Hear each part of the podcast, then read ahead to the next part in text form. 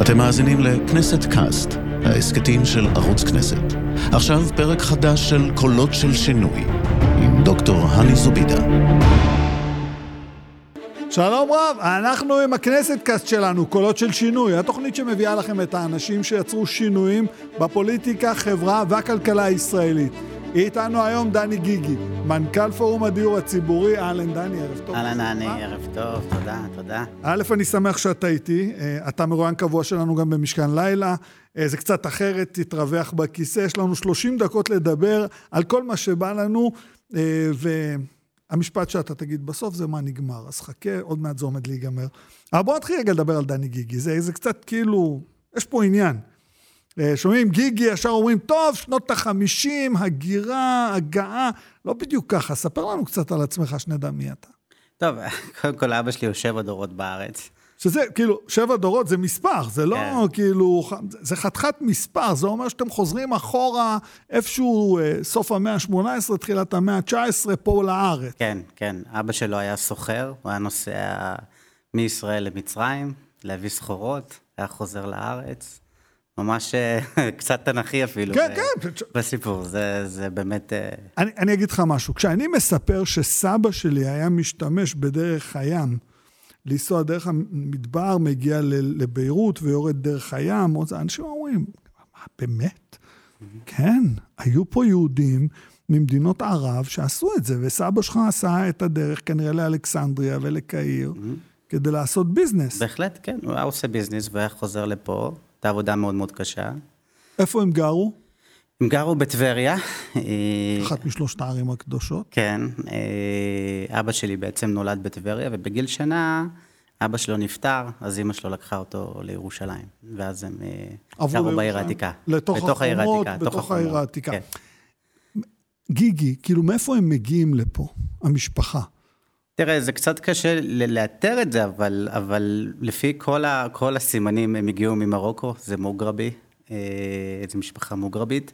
אה, אני לא יודע על, ה, על השורשים, השורשים האמיתיים שלהם, כי באמת לא הצלחנו לאתר אותם.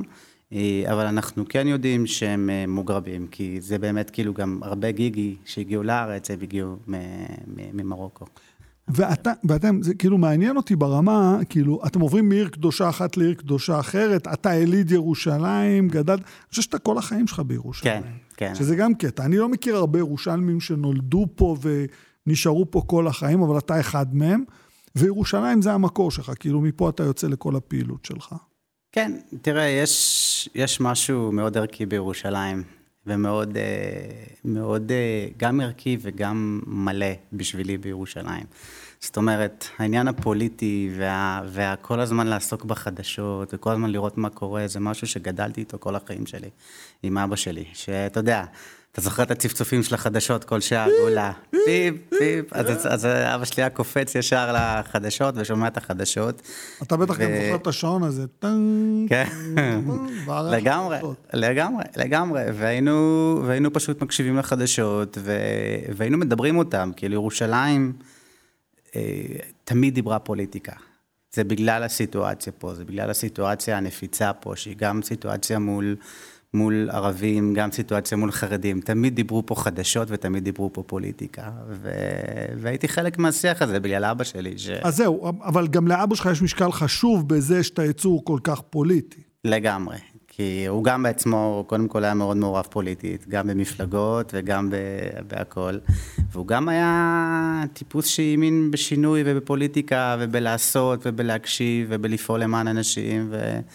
זה סחף אותי עוד מילדות, כאילו, זה הביא אותי לתוך המקום. אז אה, הוא היה מאוד ערכי, הוא פשוט היה מאוד מאוד ערכי. אה, וכל זה עם ילדות מאוד קשה. הוא גדל כיתום, גיל שנה. בלי, בלי כלום, אימא בעיר העתיקה, בעוני, אה, בחדר קטן, ממש, הוא לפעמים היה מספר בדמעות כמה כמה הוא סבל. ואני חושב שזה עוד ממד של המקום הזה של... תשמע, המקור שלי הוא לא מקור של אושר, הוא, הוא מקור של, של מחסור. אה, ואני חושב שאני, לכן גם חשוב לי שלא, שזה לא, לא ימשיך הלאה, זה לא יקרה יותר. יש פה משהו, תראה, הרבה מדברים איתי, זה לא שאתה גר בדיור ציבורי, בוא נגיד את זה כבר. אני לא, אני לא. על פניו, לא. אתה, יש לך. בת זוג, כן. יש לך ילדות מהממות, אתה, הכל בסדר. אבל יש פה שאלה, אתה יודע, כי אתה, בכל זאת, אתה מנכ"ל פורום הדיור הציבורי, אני רואה אותך. אתה הרי בעבודה הכי סיזיפית בארץ. כי אתה יודע, יש כאלה שאומרים, אתה מגיע עד כמעט לקצה ההר, ואז אתה מידרדר למטה, סיזיפוס. אתה בעצם מתחיל למטה ונשאר למטה כל הזמן, כאילו, כמות החול הנופלת, אתה רק מנסה את הצעד הראשון. ואני חייב לשאול אותך את זה, כאילו, במובן, בשיח הזה בינינו. אנשים אומרים, אבל אתה לא מכיר את הבעיה הזאת. למה אתה דווקא זה שבא ועושה את האדבוקציה למען אותם מוחלשים, למען אותם אנשים שלא קיבלו, שלא נמצאים? למה דווקא דני גיגי? למה דווקא הני זובידה? אני חושב שאנחנו לוקחים את זה, כאילו, כי אנחנו אלה שרוצים לקחת את זה, זה שם. אין מי שירים את זה, ואנחנו פשוט מרימים את זה. זה, זה, זה התחושה שלי, כי, כי באמת אין מי שיהיה שם. רוב האנשים לא רוצים לעסוק בזה, רוב האנשים רואים בזה עול. אני יכול להגיד לך שכמעט כל מקום שאני מגיע אליו, שואלים אותי למה אתה עוסק בזה, תצא מזה. למה אתה מתעסק בזה? זה נכון. תצא מזה, אל תעשה נכון. את זה. זה, זה, זה נכון. גם אבל- הבת זוג שלך אומרת לך את זה? האמת שלא, היא דווקא דוחפת אותי קדימה. אין ימים כאלה שהיא רואה אותך כאילו מכוסח לגמרי על הרצפה, כי אני מכיר את הימים האלה. לא באותו יום, אבל כמה ימים אחרי אולי תחשוב על שינוי קריירה. לא, לפעמים זה בא ממני דווקא, לפעמים אני אומר, די, נמאס לי. והיא אומרת לי, לא, תמשיך, אתה חייב לה- להמשיך להיות. באמת, כאילו, זה, זה הכוח שלי דווקא, הבת זוג שלי, וזה, אתה יודע, זכיתי בזה. זכיתי בזה שהבת זוג שלי היא כוח בשבילי, וגם, וגם המשפחה שלי נתנו לי הרבה מאוד כוח. אז אני יכול לעשות את זה. אה, ואני אגיד לך עוד משהו, זה גם קשור לאיפה אתה, כי אתה צריך גם להרשות לעצמך להיות, אה, להיות איש חברתי ואיש שהוא עושה את הדברים האלה. זה עולה כסף. ברור. זה, זה, זה עולה כסף, זאת אומרת, המקום הזה שבו אתה בוחר להיות במקום שבו אין כסף, ואין, אה, ואין, הרבה פעמים גם אין כבוד, ואין, אה, כאילו, זה לא ש... זה לא ש... אתה יודע, לא רוצים להיות שם, אז אתה שם. אבל אתה יודע, בתוך זה שאין כסף ולפעמים גם אין כבוד, והמצב מאוד קשה, אני, אני חייב להגיד שהאנשים שאני מגלה שם, אותם מוחלשים, ש... מדהימים. זהו. מדהימים, פשוט מדהימים. אנשים מדהימים, חברים הכי טובים שלי. אנשים כל כך עם, עם רצון ורגש ואהבת הארץ, ו, ובאמת, כאילו, הם פה, גם הם בוחרים, והם בוחרים להיות פה. אתה מבין? זה, זה הטרגדיה. כאילו, עם כל זה שהם במקום הקשה הזה, הם בוחרים להיות פה, וההורים שלהם בחרו להיות פה, ולחיות פה, גם בתוך הסיטואציה. מגדלים ילדים. תורמים למדינה. בדיוק, עושים הכל. עושים הכל. עושים הכל. והמדינה כאילו כל פעם דוחפת אותם ואומרת להם, אוקיי, בדיוק. לא. למשל, מנכ"ל משרד השיכון בהתבטאות אחת מיני רבות. אה, אני לא מאמין שהמדינה צריכה לבנות דירות לדיור ציבורי, בעוד, צריך להזכיר, האיש עצמו, למרות שלא היה זכאי, גר בדיור ציבורי. נכון. נכון, זה, זה דברים שהם מאוד קשים לראות, את האנשים האלה ש, שאתה יודע שכאילו, הם גם זוכים לאיזה מין, מין הילה מסביבם, של ציונות ואהבת המולדת והכל, ובסוף כשבאמת הם צריכים לגלות את הציונות ואהבת המולדת, שזה אהבה לאנשים, הם מתגלים כאנשים הכי קשים, נוקשים, אני לא רוצה להשתמש במילים יותר קשות, אפילו מרושעים הרבה פעמים. וזה זה קשה לראות את זה. בעיקר כשאתה שם גם את עצמך מול זה, כי אתה אומר לעצמך, אה, יכולתי, טוב, להיות עכשיו איזה, איזה מנכ"ל, איזה פרידמן כזה, שיושב שם, וזה, בכל זאת, יש לי תואר שני מילה עסקים, למדתי, עשיתי את הכל, זהו, את רציתי כל הדרך. לדבר על החינוך שלך, כי החינוך שלך הוא קצת מדהים, כי אתה כאילו נלחם את המלחמה הסוציאליסטית נגד הליברטריאנים האלה, הדי אה, מחופפים בראש מבחינת התפיסה, אבל אתה הלכת ולמדת תואר שני מנהל עסקים, אתה יש לך MBA. כן, יש לי MBA מהאוניברסיטה העברית. לא, וזהו, לי- ולא, ולא סתם, עוד מהעברית. כן, זה- כן, יש לי מהעברית, איך אתה לי... לא איתם, דני? כן, זהו, שאני חושב שבאמת מה שטוב, שזה נתן לי הרבה כלים דווקא להתמודד איתם. כי אני, כי אני בשפה מדבר את השפה שלהם.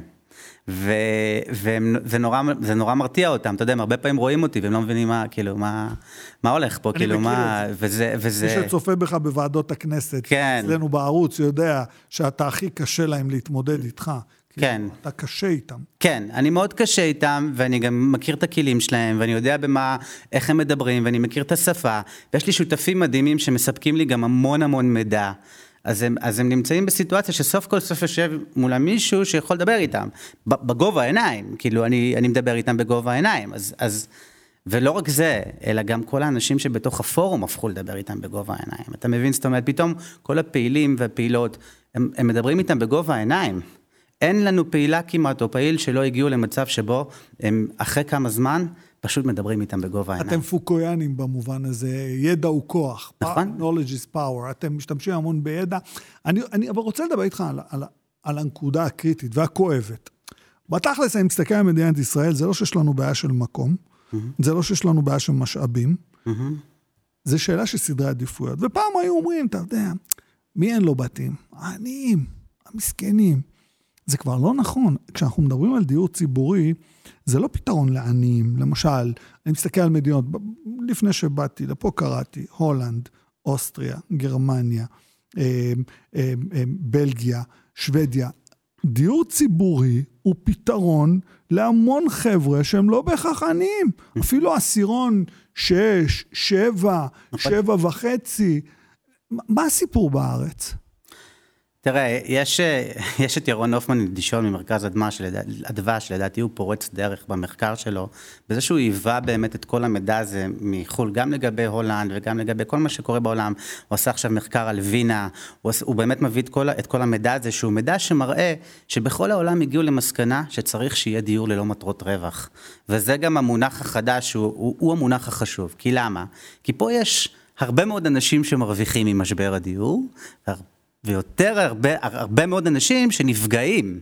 זאת אומרת, הקבלנים, היזמים, הבנקים, המדינה. זהו, בראש ובראשונה. המדינה, מיליארדים נכנסים. אתן לך דוגמה אחת, אתה יודע, מסתכלים על אה, שדה התעופה, אה, שדה דוב. אז בשדה דוב, עכשיו, לאחרונה פורסם, שמכרו 1,500 דירות, שטח ל-1,500 דירות, ב-4.5 מיליארד שקל. שלושה מיליון שקל לכל דירה בלי, ש... בלי אבן, בלי שהניחו אפילו אבן. אתה מבין? אז... אז... תחשוב על מחירי הדיור. כן, תחשוב על מחירי הדיור שיש שם, זה מטורף. עכשיו, זה קרקע מדינה, פה היה צריך לעשות את השינוי. פה היה צריך לבוא ולהגיד, המדינה מכניסה את היד לכיס, מוותרת על זה, מספקת פה עכשיו אלפיים דירות במחיר של מיליון, מיליון וחצי שקל לתושבים, תושבי תל אביב, שאין להם איפה כבר לחיות. אבל הם לא עושים את זה, והם ממשיכים להרוויח כסף, והבנקים מרוויחים כסף, והיזמים והקבלנים ובעלי הדירות. והציבור מפסיד. אבל גם, אתה יודע, גם כשאתה אומר על זה, כשיש את הגלגל הזה, שאני קורא לו גלגל הרשע, אי אפשר להתייחס אליו אחרת. מצד שני, גם כשאני מסתכל על הדיור הציבורי, אתה יודע, mm. דה פקטו, מה יש בשטח, mm.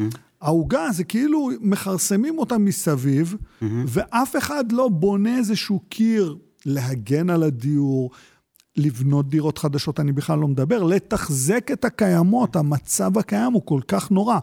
ולא שתגיד, זה חלצים, כאילו חברות לתועלת הציבור. זה, זה עמידר, עמיגור, חלמיש, זה חברות שהן שלי ושלך, שעובדות נגדי ונגדך. למה זה קורה במדינת ישראל? תשמע, זה יותר מזה, אני, החברות זה עוד מילא, אבל גם המשרדים, אתה יודע, משרד האוצר, האג'נדה שהוא מתווה בשביל החברות הזאת, האלה, זה בדיוק זה.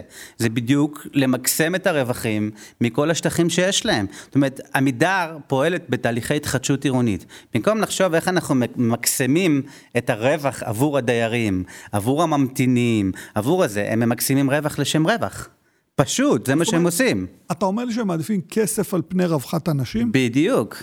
בדיוק. אבל אנשים שחיים ברווחה ייצרו יותר כסף למדינה בסופו של דבר. נכון, אבל את כל הדברים האלה במדינת ישראל לצערי לא מבינים. אה, מבינים את זה באוסטרליה. עכשיו 80 חוקרים באוסטרליה הוציאו איזושהי חוות דעת על כל נושא הדיור, והם יראו, הם אמרו, הצמיחה במדינה שלנו נפגעת. כל שנה אנחנו מפסידים פה 7 מיליארד בצמיחה. בגלל הסיפור הזה. אם זה כי אנשים מוציאים יותר על דיור ואז לא צורכים, אם זה כי, אם זה כי אנשים לא מצליחים לבנות את עצמם ולצאת מהמצב של מחסור, ולכן הם גם לא מתפתחים ולא מייצרים, וזה פשוט גלגל נוראי. עכשיו... ראש ממשלת אוסטרליה זה האיש שגדל בדיור כן, ציבורי, זהו, כן, כאילו יש פה כן, איזה קטע, כן, כאילו... כן, כן, הוא גדל בדיור ציבורי, אכן, הוא גדל בדיור ציבורי, והוא מנה, מונה להיות uh, ראש הממשלה, וזה בדיוק, גם אתה יודע, היציאה הזאת, המקום של לצאת, יש לנו אגב, הרבה חברי כנסת. ושרים שמגיעים מהדיור הציבורי. מיכאל ביטון? מיכאל ביטון, ויש לנו את אלי כהן, ויש לנו את, אה, את שרת הכלכלה, ברביבאי, הם כולם צמחו מתוך דיור ציבורי. דיור ציבורי הוכח, גם בוועדה מלחמה בעוני, כהגורם שהכי הרבה מוציא מעוני, ומאפשר לאנשים באמת לפרוח ולגדול ולהיות יצרניים. אז תסביר לי, איך הנקודה המטומטמת הזאת, בגודל של עיר, יושבת במשרד האוצר ואף אחד לא מבין את העניין הזה? איך הם לא קולטים שאם חמישה עשירונים יצטרכו לבזבז פחות מהשכר שלהם על דיור, הם יבזבזו יותר על קנייה, על, על בריאות, על עבודה, על חיים. איפה זה לא מתלבש להם? תראה, יש אידיאולוגיה כלכלית מאוד נוקשה שם, שהשתלטה על המשרד. זאת אידיאולוגיה שמובלת גם על ידי פורום קהלת, שזו אידיאולוגיה שאומרת אי התערבות בשוק. השוק חופשי. עכשיו, עכשיו, לא רק שאין כזה דבר, זה גם, זה, זה בעליל לא נכון. שוק הדיור בישראל הוא הכל, אבל לא חופשי. מדינת ישראל מחזיקה בכל הקרקעות, ולא רק שהיא מחזיקה בכל הקרקעות, היא הכניסה 137 מיליארד בשני העשורים האחרונים רק ממיסוי. אז אני לא יודע על איזה שוק חופשי הם מדברים, אני לא רואה פה שוק חופשי. אני זוכר, תן לי לך דוגמה רגע. אני זוכר בזמנו, השר אטיאס, אחרי 2011, מכרו דיר, דירות בדיור הציבורי ב-2 נקודה משהו מיליארד שקלים, והבטיחו לנו, אחרי שדיברנו, שיחזירו את הכסף לתוך הדיור הציבורי. זה לא קרה. מה שעשינו זה באנו אליו הביתה והתחלנו להפגין בבית שלו כל יום חמישי במשך ארבעה חודשים עד שהוא התפטר. ואני, ואני שואל את השאלה, בסוף הוא, הוא אמר לנו, זה לא היה בידיים שלי, זה נכנס לאוצר והכסף נבלע. למרות שאמרו לנו שהכסף הזה צבוע. זה המנגנון בעצם שאתה מדבר עליו, שכל הזמן כאילו... זה אחד המנגנונים, כן, זה מנגנון שקיים גם בחברות הממשלתיות, וזה גם מנגנון שקיים אה, עם מכירת הדירות באופן ישיר לאוצר. עכשיו, מה שקורה זה שאתה דיברת על התקופה ההיא, אני אדבר איתך מה קרה מ-2011. מ-2011 עד עכשיו נמכרו 15 אלף דירות, תחשוב איזה כמות, 15 אלף דירות. כמה משפחות ממתינות לדיור ציבורי, תזכיר לי? היום 30 אלף משפחות ממתינות. זאת אומרת, חצי מהמשפחות שהיום ממתינות לדיור ציבורי יכולות לקבל דירה אם לא היינו מוכרים את ה-15 אלף כן. דירות האלה. עכשיו, הבעיה היא שבדרך כלל אנחנו בעד המכירה, כי אנחנו רוצים שאנשים יקבלו דיור, אבל אין שום תיעוד של הדירות האלה. אתה לא יודע למי הם נמכרו, mm. אתה לא יודע בכמה הם נמכרו, אתה לא יודע אם הכסף חזר או לא חזר. דבר. הדבר היחידי, הצלחתי להשיג מסמך. למה זה לא שקוף? אה, אתה יודע כמה פעמים ביקשנו את המידע הזה ולא קיבלנו אותו? גם אנחנו, גם ביחד עם אגודה לזכויות האזרח, גם אחרים, עם עיתונאים, לא הצלחנו לקבל את המידע הזה. לא רק זה, אני שאלתי אותם שאלה הכי בסיסית, אמרתי, בסדר, אתם אומרים שזה הכל בגלל שהדיירים קונים את הדירות, כמה הנחה הם קיבלו על הדירה?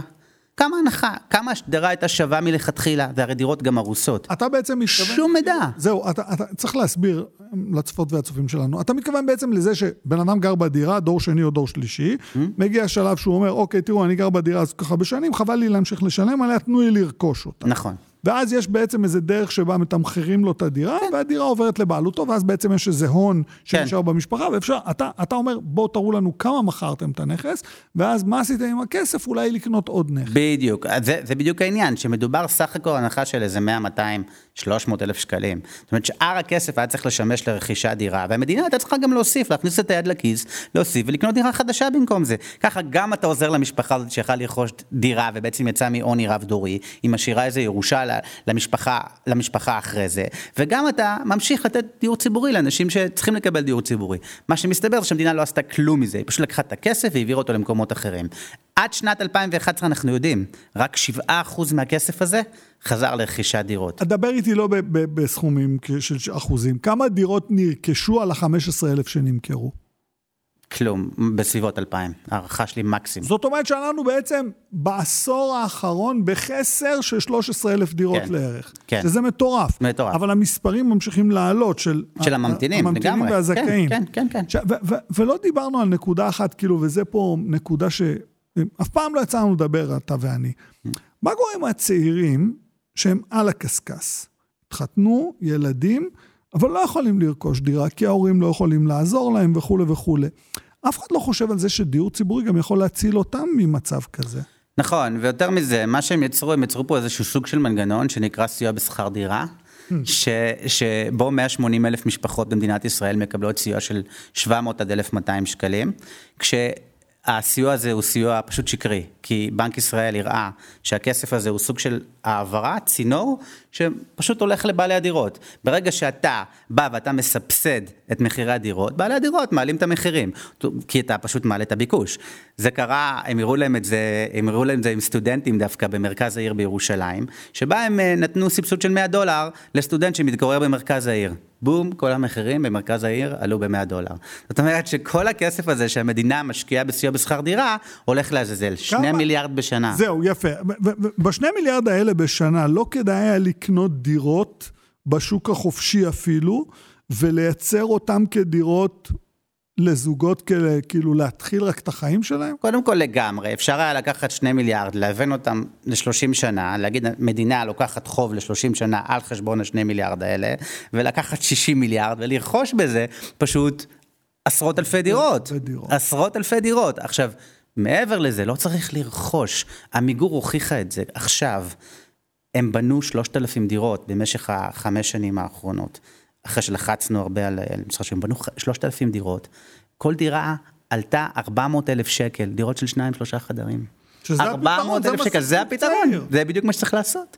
אבל הם עשו את זה רק לקשישים לצערנו, כי המדינה לא מוכנה לבנות בשביל הזוגות הצעירים ובשביל שאר. תסביר לי למה המדינה לא מוכנה לבנות, אני חייב שתסביר לי את זה, כאילו מהנקודת ראות שלך, זה ברור לי, אבל תסביר לי למה הטמטום הזה, כי אם אני הרי בונה לצעיר דירות קטנות לזוגות צעירים. אתה יודע, רק התחתנו, ילד ראשון, נותן להם את החמש-שש שנים האלה לנשום, להרים את הראש, הם יאספו מספיק הון, או הם יוכלו לקנות את הדירה, להחזיר לי כסף, אני קונה דירה אחרת במקום, או לשדרג את עצמם. למה לא עושים את זה? זו שאלה מצוינת, אבל היא בדיוק חוזרת למה שאמרתי לך מקודם, דיור ללא מטרות רווח. יש אנשים שמרוויחים מהסיפור הזה. יש בנקים, יש מדינה שמרוויחה, זה בדיוק, זה, זה מאוד דומה גם לסיפור של הדלק. לא יורידו את מחיר הדלק, אם, אה, אם יורידו את מחיר הדלק אז המדינה תפסיד, אתה מבין? זה, זה, זה, זה, זה מאוד דומה במובן הזה שהמדינה המדינה תלויה בזה. היא לא תביא פה עכשיו רכבים חשמליים בלי מיסוי ובלי זה, כי היא תפסיד כסף. אז אותו דבר פה, היא לא תייצר דיור ציבורי שייתן לאנשים פתרון, כי הרבה מאוד אנשים יפסידו כסף ולא יתעשרו בגלל זה. זה כאילו אתה ואני במעגל סגור. כל, כל דבר שאני פונה אליו, אתה חוזר ומזכיר לי לי את העובדה שבעצם יש פה רווח לפני אנשים. בדיוק. והמדינה בעצם, צריך להבין, המדינה היא כלום ושום דבר, המדינה היא סך כל האיברים שלה, שזה האזרחים. נוצר פה בעצם ארגון שאיכשהו קיבל חיים משל עצמו, והוא פוגע ביחידות שבונות אותו. כן, הוא משרת, הוא משרת חלק מהיחידות. הוא, הוא הפך להיות גורם שמשרת את האנשים העשירים והאנשים שנהנים מהסיפור הזה. הוא משרת את הבנקים, הוא משרת את בעלי ההון, הוא משרת את היזמים, את הקבלנים. שים לב, כל תוכנית דיור שיצאה לאחרונה, הייתה או בונוסים לקבלנים וליזמים, בוא נגדיל להם את הזה, או שוק חופשי, בוא נייצא את עוד קרקעות, זה הכל... חוץ מאחת. חוץ מאחת. ב-2016. נכון. חגי רזניק. נכון. מנכ"ל משרד הבינוי והשיכון. נכון. תופעה יוצאת דופן האיש. לגמרי. צריך להגיד. נכון. פתאום מגיע איזה מישהו, אף אחד לא מבין איך הוא התמנה, mm-hmm. והוא בא עם תוכנית אחרת. מה הוא אומר? אה, הוא, הוא אמר, צריך פה 7,200 יחידות דיור ציבורי כל שנה. במיידי הוא כן, והוא אמר גם, אני לא צריך אפילו שתיתנו לי תקציב בשביל זה. אל תיתנו לי תקציב, תנו לי קרקעות. תנו לי את האפשרות להשתמש בקרקעות. זהו, זאת אומרת, הוא, הוא לא אומר תנו לי קרקעות, הוא רק אומר תנו לי, כי כל הקרקעות של המדינה, הוא אומר רק תנו לי תגידו שהקרקע הזאת, אני יכול לבנות. בדיוק. זהו, אני בדיוק, כבר אסתדר. בדיוק. וזה מנכ"ל משרד הבינוי והשיכון. מנכ"ל משרד הבינוי והשיכון. הוא אמר, תנו לי את הקרקע, אני יודע לעשות את זה. תנו לי, אני יכול, זה, זה, זה הדרך לעשות את זה. אבל יותר מזה, הוא אמר להם, גם למה הקמתם את רמ"י? מה המטרה של רמ"י? הרי זה כתוב. רשות, רשות כן, מקרקעי ישראל. כן, רשות מקרקעי ישראל היא בעצם גוף שהוקם כדי לייצר דיור ציבורי ודיור בר השגה לאזרחי מדינת ישראל. מה עושים עם התוכנית המדהימה שלו? ש- שהוא אמר 7,200 עד 7,500 יחידות בשנה, נכון. שזה אומר תוך 4 שנים 30 אלף דירות, נכון. שזה אומר שבעצם התחלות בנייה, צריך להגיד, זה לא כן, לא ייגמר, כן. זה ייגמר בטווח של 7 שנים, זאת אומרת שהוא... בין 2015-2016 שהוא מציג את התוכנית, בוא נגיד 16, עד עוד שנה, בשנה הבאה הוא היה אמור לגמור את כל התור נכון. של הדיור הציבורי. לגמרי. לגמרי. ואז להמשיך ב- לבנות לגמרי. לצעירים וכולי וכולי. לגמרי. נשמע לי פצצה, למה הוא לא... פשוט כי, שוב, כמו שאמרתי לך, נחזור לנושא הרווח. אנשים מרוויחים מהמחסור הזה, אנשים מרוויחים מה, מהסיפור הזה שחסר פה. המדינה מרוויחה הון, היא לא מוכנה לוותר על, על, על ההון שהיא מרוויחה. תשמע, מקרקעי ישראל מכניסים 16 מיליארד שקל כל שנה. לא מקצים שקל בשביל דיור ציבורי, בשביל פתרון בעיית ורזניק לא. ביקש שקל. הוא לא ביקש שקל, הוא אמר רזניק קרקעות. אמר, אין כסף. כן, הוא אמר, הוא אמר נעשה את זה דרך קרקעות. הוא הציע להם גם את המודל של כסף, הוא אמר להם, אתם לא רוצים לתת לי קרקעות? תנו לי אחוז מסוים מהכסף שרמ"י מכניסה. ואז אני קונה קרקעות. ואז אני קונה קרקעות. כן, אבל זה לא קרה. לא קרה. מצד שני, גם הדירות בדיור הציבורי, צריך להגיד, הייתי בחלק מהן, יצא לי להסתובב, אני. צריך להגיד, זו אחת מהחוויות הכי מזעזעות שעברתי בחיי. כן. זה, תראה, המצב של הדירות הוא לא טוב, זה דירות שנבנו לפני 50, 60, 70 שנה. ברור שמצבם לא טוב, אבל האפשרות לעשות שם סדר היא, זה מאוד פשוט. יש את ההתחדשות עירונית, את תהליכי התחדשות עירונית, ואם הם יעבדו לטובת הדיירים ולא לטובת היזמים והקבלנים, אז פתרת את הבעיה, הדירות ייראו מצוין. אתה יכול לקחת היום ולשפץ את הדירות האלה, ולבנות שם, אפילו להרוס את חלקם, את מה שצריך להרוס, ולבנות בניינים מחדש, ולאפשר להגדיל את המלאי הדיור הציבורי, ועדיין להיות ברווח מהסיפור הזה. ואנחנו אנחנו עוד לא מדברים, כן, כי יש חלק מהדירות שנמצאות במקומות, כאילו, חבל על הזמן. נכון. ולא דיברנו בכלל על הקטע הזה שהמדינה יכולה לתת עוד טיפה אחוזי בנייה לקבלנים, ולבקש עשרה אחוז מהדירות בבניין שיעברו לדיור ציבורי, ואז מתחילים לבנות תמהילים. נכון, לגמרי. לא קורה. לגמרי, זה, כל הדברים האלה לא קורים. אין שום דרישה להגדיל בשום דבר מהתוכניות של התחדשות עירונית, להגדיל את מספר דירות הדיור הציבורי, ההפך. יש כל הזמן ניסיון לצמצם, לחסל, להקטין ולהכניס רווחים לקופה. אני רק רוצה, ברשותך, כי דיברנו על וינה, אני רק רוצה להזכיר, כי הנתון הזה נמצא פה. מה אחוז הדיור בווינה שהוא בנוי ללא מטרות רווח? 60 אחוז, מעל 60 אחוז.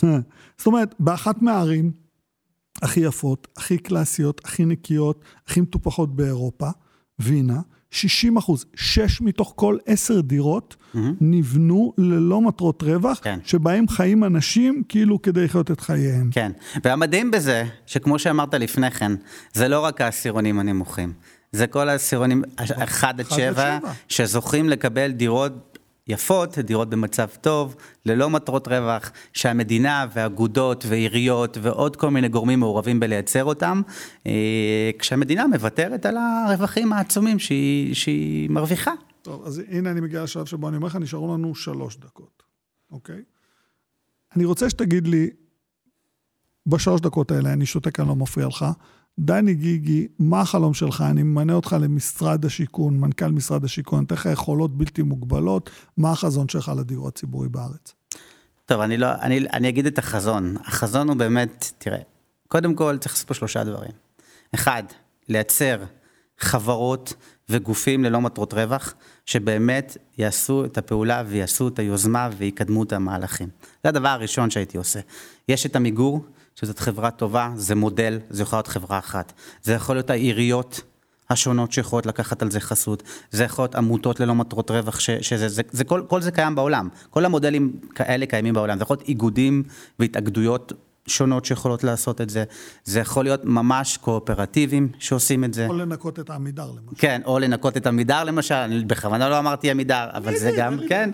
אז, אז, זה, אז, זה, אז זה דבר אחד. דבר שני שהייתי עושה, זה באופן מיידי מצהיר על זה ש, ש, שרמ"י מוותרת על כל הרווחים שלה מההכנסות. לטווח של עשר שנים, לא אמרתי לתמיד, טווח עשר שנים, מוותרים על ההכנסות, ההכנסות הולכות לטובת משבר הדיור. אנחנו את כל ההכנסות האלה, במקום למכור את, הדיר, במקום למכור את הקרקעות במחירים כאלה גבוהים, אנחנו מוותרים על המכירה של הקרקעות במחירים גבוהים, אנחנו מספקים אותם לחברות האלה ללא מטרות רווח, כדי שהם יבנו דיור רק ציבורי. לחברות האלה, רק לא לחברות, לפרטיות. רק לחברות האלה. פרטיות ימשיכו להרוויח, רק לחברות אומרת, האלה. אתה חוזר למה שהציע חגי רזניק, אתה אומר, תנו לנו את הקרקע בלי כסף. כן, זה תנו לנו ממילא את הקרקע. הקרקע של כולנו. נכון, זה קרקע של כולנו. תראה, שוק חופשי אמיתי היה אומר לך, כל אחד ייקח את החלק שלו, בוא ניקח את כל הקרקע במדינה, נחלק אותה, כל אחד ייקח את החלק שלו, שיעשה איתו מה שהוא רוצה. אבל זה לא קורה. אבל זה לא קורה. אז אני אומר משהו אחר, בואו תיתנו את זה לחברות האלה, שהם יבנו דיור ללא מטרות רווח עבור כל האנשים, ופה פתרת בעיה מאוד מאוד גדולה. הדבר השלישי שצריך לעשות, זה להתחיל להסתכל על כל תוכניות הדיור מתוך פרספקטיבה של האנשים שזקוקים לדיור.